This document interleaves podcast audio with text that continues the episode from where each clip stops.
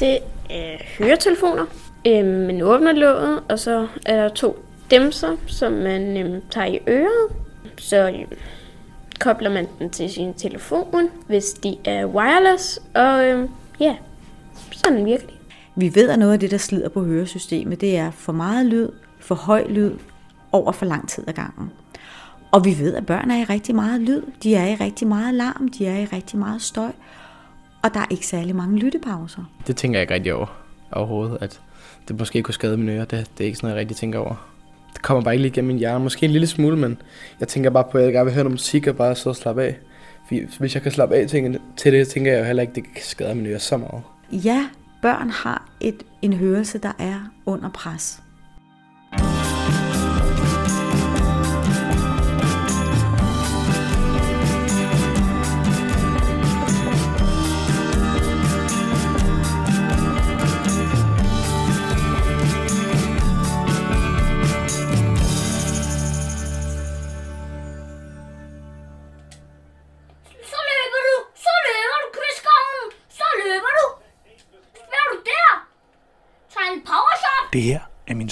På syv.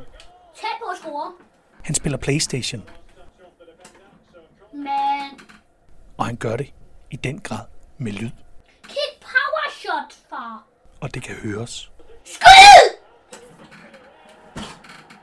For 200 til 2-1! Hvad? Hvad I?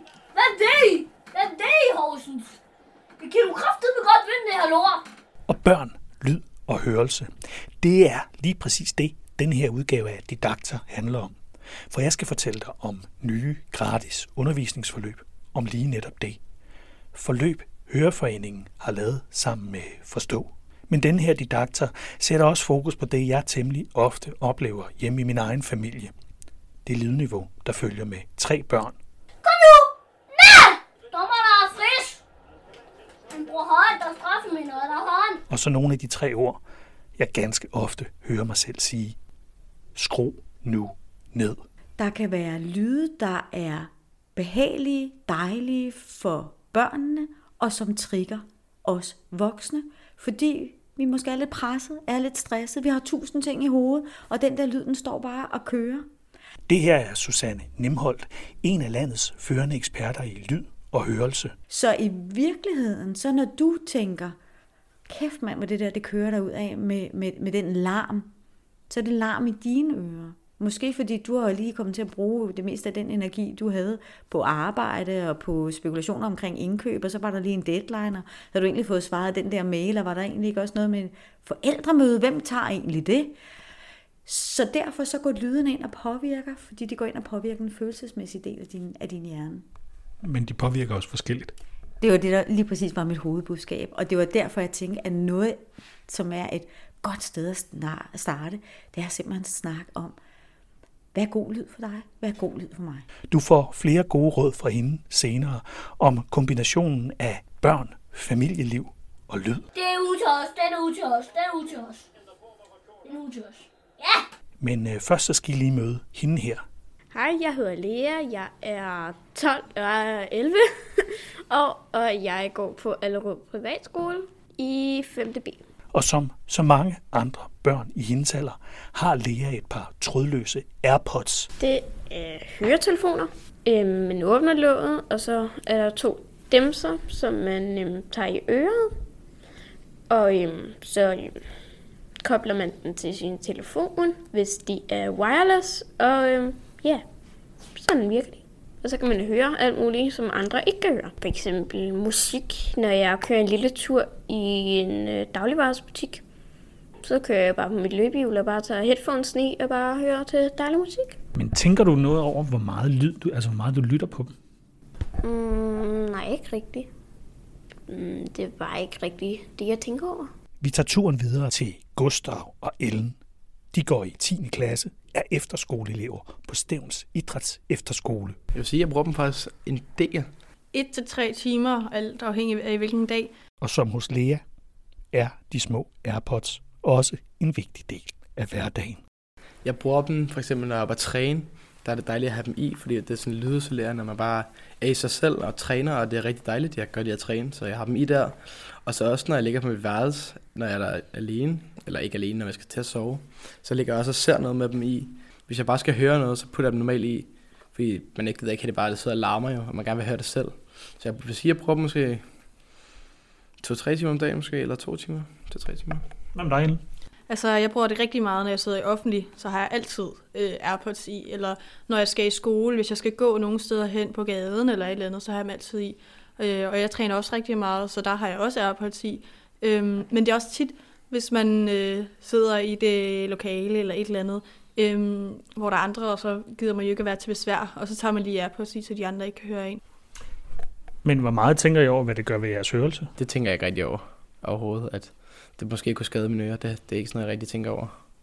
Det kommer bare ikke lige igennem min hjerne. Måske en lille smule, men jeg tænker bare på, at jeg gerne vil høre noget musik og bare sidde og slappe af. Fordi hvis jeg kan slappe af til, til det, tænker jeg jo heller ikke, at det kan skade mine ører så meget. Hvad tænker du, Ellen? Altså, jeg tænker faktisk ret meget over det. Øhm, især når jeg sådan føler, at det er rigtig lavt, og jeg så gerne skrue højere op, så føler jeg, at nu bliver jeg lige for højt, og det er ikke så sundt. Så jeg får altid at vide, at øh, når andre låner mine AirPods, at det er alt for lavt for dem, fordi de er vant til at høre det meget højere. Så det er noget, jeg tænker over, og det er også noget, jeg tænker over om aftenen. Når jeg ligger i min seng, så kunne jeg godt have en tendens til at putte AirPods i, men hvis det ikke er nødvendigt, så prøver jeg at undgå det, øh, og så bare høre det ud i luften, fordi jeg godt ved, at det ikke er lige så sundt. Vi skal tilbage til eksperten. Jamen, jeg hedder Susanne Nemhold og er uddannet audiologopæd, som svarer til tale, høre, læsepædagog. Har arbejdet på høreområdet, faktisk siden jeg blev færdiguddannet, og har specialiseret mig inden for tinnitus og lydfølsomhed. Susanne Nemholdt har lavet flere forskningsprojekter om børn og deres hørelse, og altså med særlig fokus på tinnitus. Børn får også tinnitus. Øh, faktisk den første undersøgelse, der er lavet på børn, den er lavet i 1971. Øh, godt nok ikke i Danmark. Men øh, vi har ikke haft særlig meget fokus på det, fordi at, øh, at man har tænkt, om der er sådan set ikke nogen børn, der kommer nødvendigvis og brokker sig over de her tinnitus, så øh, der er nok ikke noget problem, så vi har ikke sådan rutinemæssigt spurgt børn, om de har tinnitus, og om hvordan de eventuelt havde det med det. Men vi ser børn med tinnitus, og vi ser de børn, der er generet af tinnitus, har de samme vanskeligheder som voksne, der er generet af det. De kan have svært ved at sove. De kan have svært ved at koncentrere sig. De kan have øh, svært ved at overskue at være steder, hvor der enten er meget larm, eller hvor der er meget stille. Men hvordan lyder tinnitus? Kan man sige noget om det? Ja, man kan i hvert fald sige, at tinnitus kan lyde meget mangfoldigt.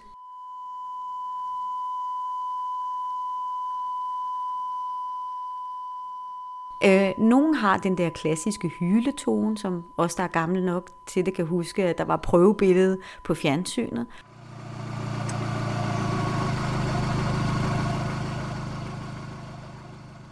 Nogle kan have sådan en brummelyd, ligesom en, øh, en bil, der står i tomgang.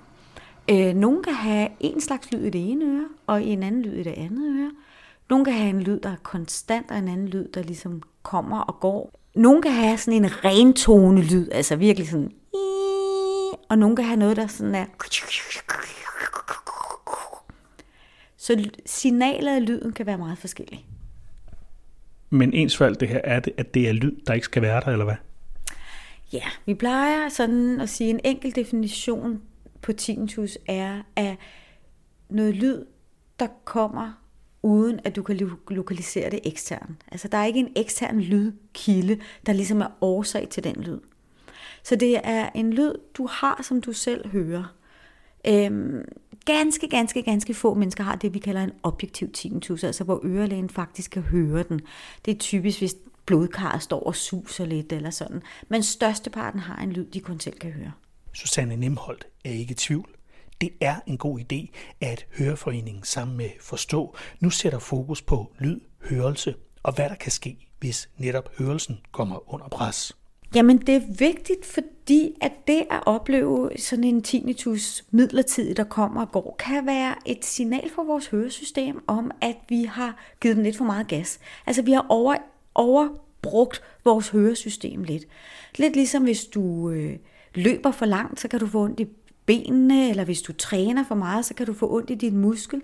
Så kan en tinnitus også være sådan det første tegn for dit høresystem på, at nu har der altså været lige lidt for meget lyd, lidt for lang tid. Vigtig viden om høresansen arbejde med en model af øret, lydmålinger og så gode råd til, hvordan man passer bedst på sin hørelse. Det er noget af det, eleverne kan arbejde med i de nye undervisningsforløb fra Høreforeningen og Forstå. De er lavet til indskolingen og mellemtrinnet og findes på forstå.dk. Og undervisningsforløbene er altså vigtig viden for vores børn. Her i 2023 er deres hørelse altså under pres. Jeg synes faktisk, det er rigtig godt ordbillede, du giver, det er, at vi har en hørelse, der er under pres, fordi det er lige præcis det, der sker. Det er ikke nødvendigvis sådan, at vi kan afmåle det og sige, at vi kan se, at de har en hørenedsættelse, men vi ved, at noget af det, der slider på høresystemet, det er for meget lyd, for høj lyd, over for lang tid ad gangen.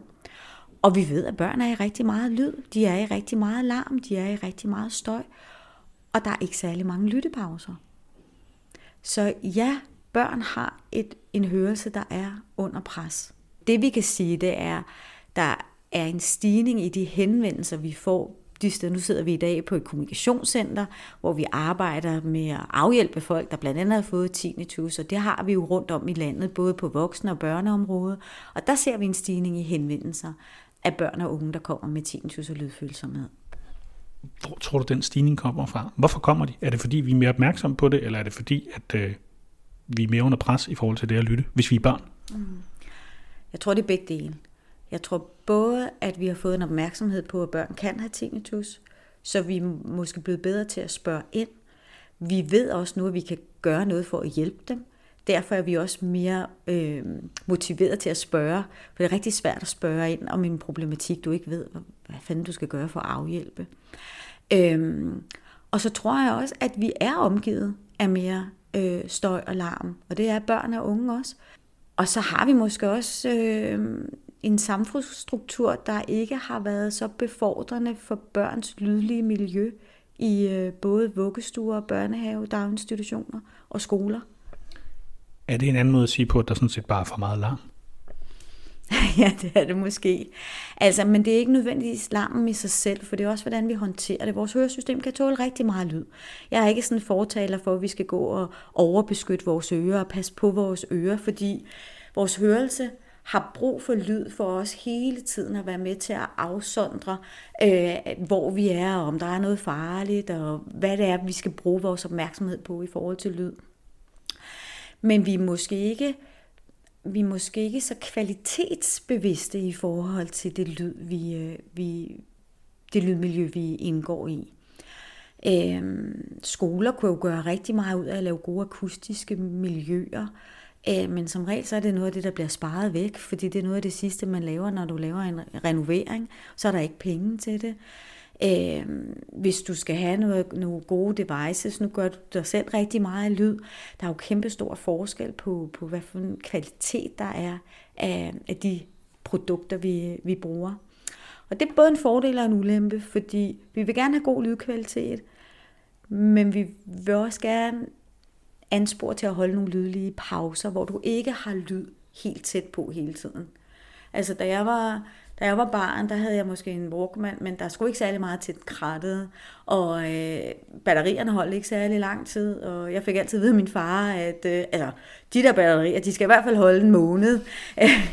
nu plukker man jo bare ind, ikke? Du kommer med, du har, du har ikke engang en speciel device, du har en mobil, du kan have din playliste med dig hele tiden, fordi at du har et familie Spotify abonnement, så der er... Ja, det har vi faktisk.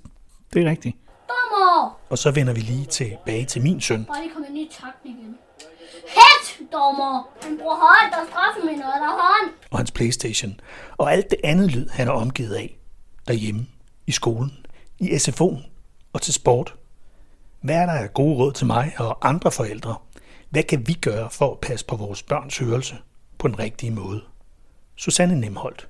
Altså, både som mor og som almindeligt menneske, så kan jeg selv have det lidt stramt med, med regler, fordi det kan være rigtig svært at huske. Og hvis ikke man sådan kobler sig på selv og synes, det er en god idé, så bliver det reglen for reglens skyld.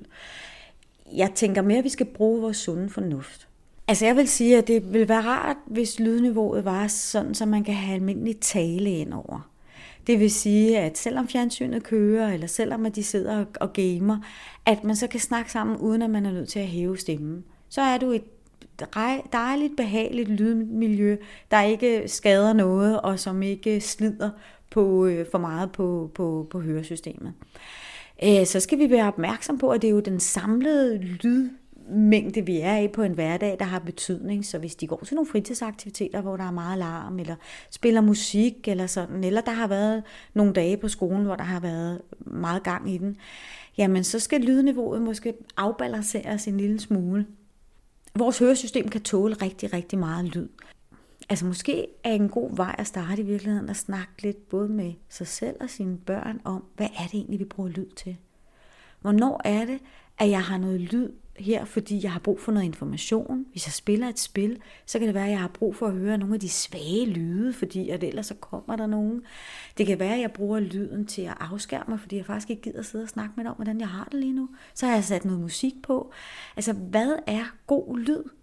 Hvad gør mig godt lydmæssigt, og hvad kan stresse mig lydmæssigt? Og der kan det være, at vi nogle gange er forskellige. Det kan være, at dine unger de tager stor fornøjelse af at sidde og høre et eller andet øh, lyd til et eller andet spil, fordi de har glæde ved det spil. For dig der bliver det virkelig irriterende, fordi du synes bare, at den lyd den er stress. Så måske er et godt sted at starte i virkeligheden bare at snakke. Hvad er lyd egentlig for dig? Hvad er god lyd for dig? Hvad er irriterende lyd for dig?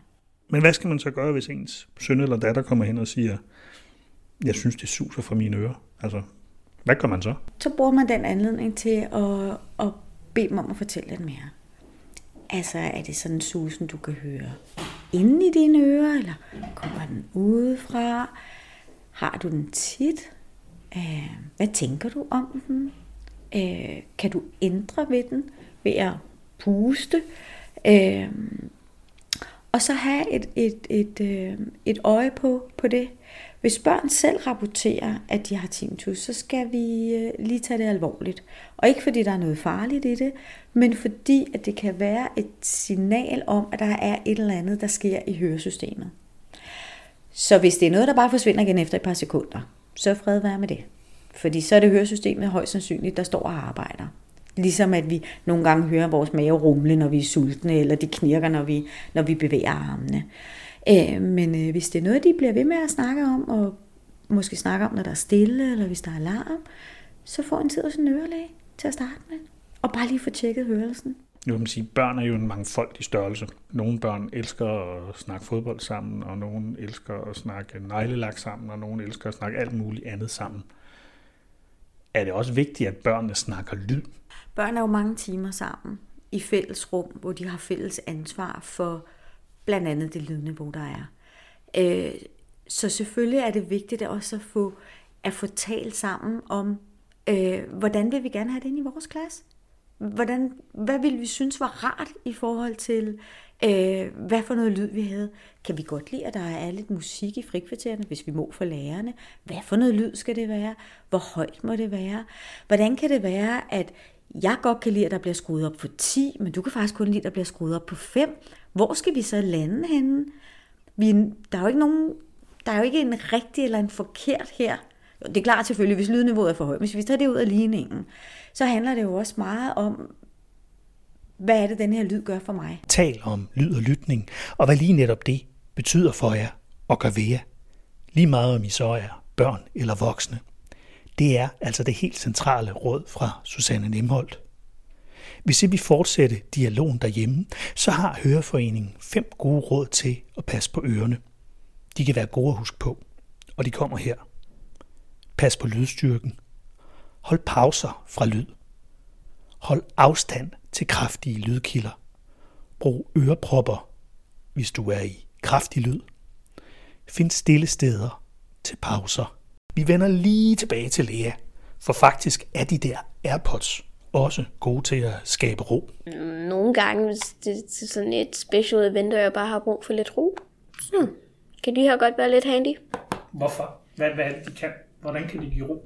Øhm, det er fordi, de har øh, sådan indstillinger, så, man, så når man tager begge i, og de sidder godt, så er der noise cancellation. Altså, at de blokerer lyd. Og så er der bare stille, eller hvad? Mm, Ja, for det meste. Og Ellen og Gustav fra Stævns Idrætsefterskole vil godt nok også have svært ved at undvære at have lyden med sig. Hvad ville der ske, hvis jeg kom til dig og sagde i morgen, de der AirPods, det er slut, jeg skal have dem? Det ved jeg ikke rigtigt. Jeg sådan, tror, jeg vil synes, det var lidt nederen, fordi jeg bruger dem rigtig meget. Den dejlige del i at slappe af at have dem på. Det synes jeg virkelig, det vil være lidt nederen faktisk, synes jeg. Hvad tænker du? Ja, jeg vil også synes, det var rigtig noget. Altså, de er jo så geniale, at man lige kan have dem i lommen, og så trække dem op over, hvis man skulle slæbe rundt på sådan nogle hørebøffer hele dagen. Øhm, det vil selvfølgelig også godt kunne gå, men det er jo lidt noget andet, øh, når det er så nemt med AirPods. Faktum er, under alle omstændigheder, at lyd påvirker os. Om vi er børn, voksne, lytter til noget højt, lavt, skingert eller rent. Babyer, der skriger i en flyvemaskine. Det kan du ikke. Nej, jeg tænker bare sådan, oh, please, bare find i søvn, baby. Ingen, der kan høre, er ikke påvirket af lyd. Susanne Nemholdt. Vi er jo skabt sådan, at vores øh, høresystem og vores øh, autonome nervesystem, altså den her, om vi reagerer med at fryse eller, eller, eller flygte, er koblet ud af vores bevidsthed. Og det er, fordi lyd skal kunne varsle os om overlevelse. Så hvis du bare tænker i den retning, så vil vi jo altid kunne blive påvirket af lyd, også på det ubevidste plan. Og så slutter vi lige på Stævns Idrætsefterskole, hvor Gustav og Ellen sætter ord på den værste og de fedeste lyde, de kender til. Gustav, hvad er den mest irriterende lyd, du kender? Altså en lyd, der sådan virkelig får alt til at stridse på dig. Mm, det var ikke nok min alarm. den, den er rigtig nederen, fordi den er sådan, også når man bare hører den normalt på en dag, så det, det er bare en dårlig følelse, fordi man gider ikke rigtig vågne om morgenen. Altså sådan rigtig. Selvfølgelig gør jeg det hver morgen alligevel, men bare den der lyd af alarmen, det er virkelig ubehagelig lyd, fordi den minder en bare om, at man skal vågne, og man, har- man har bare lyst til at sove videre. Så det vil jeg sige. Også når jeg bare hører den ude i offentligheden, så får jeg bare sådan, Hvad med dig, Ellen? Den værste lyd ever.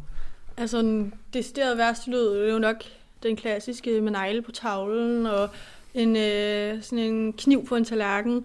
Eller man, der er også rigtig mange, der synes, det var rigtig sjovt på et tidspunkt at sætte sådan en bip-lyd på deres øh, computer, som bare kører i uendeligheder. Den var jo ikke særlig sjov. Hvad er så den fedeste lyd? hmm, ved jeg faktisk ikke engang. Hvad er den fedeste lyd? Det er nok måske, hvis man hører en sang, man rigtig, rigtig godt kan lide. Så hvis man hører melodien i den sang, så tror jeg, man synes, det er rigtig, rigtig fedt. Hvad siger du? Ja, det er nok sådan noget fed musik. Kan du lige finde din alarm? Har du din telefon med? Må jeg ikke lige høre den? Jo, det kunne du faktisk Altså, hvis du kan holde det ud. Jeg skal nødt sende dig herfra med Ja, jeg kan godt lide... øh, ild ud af ørerne. Jeg vil bare gerne lige høre den.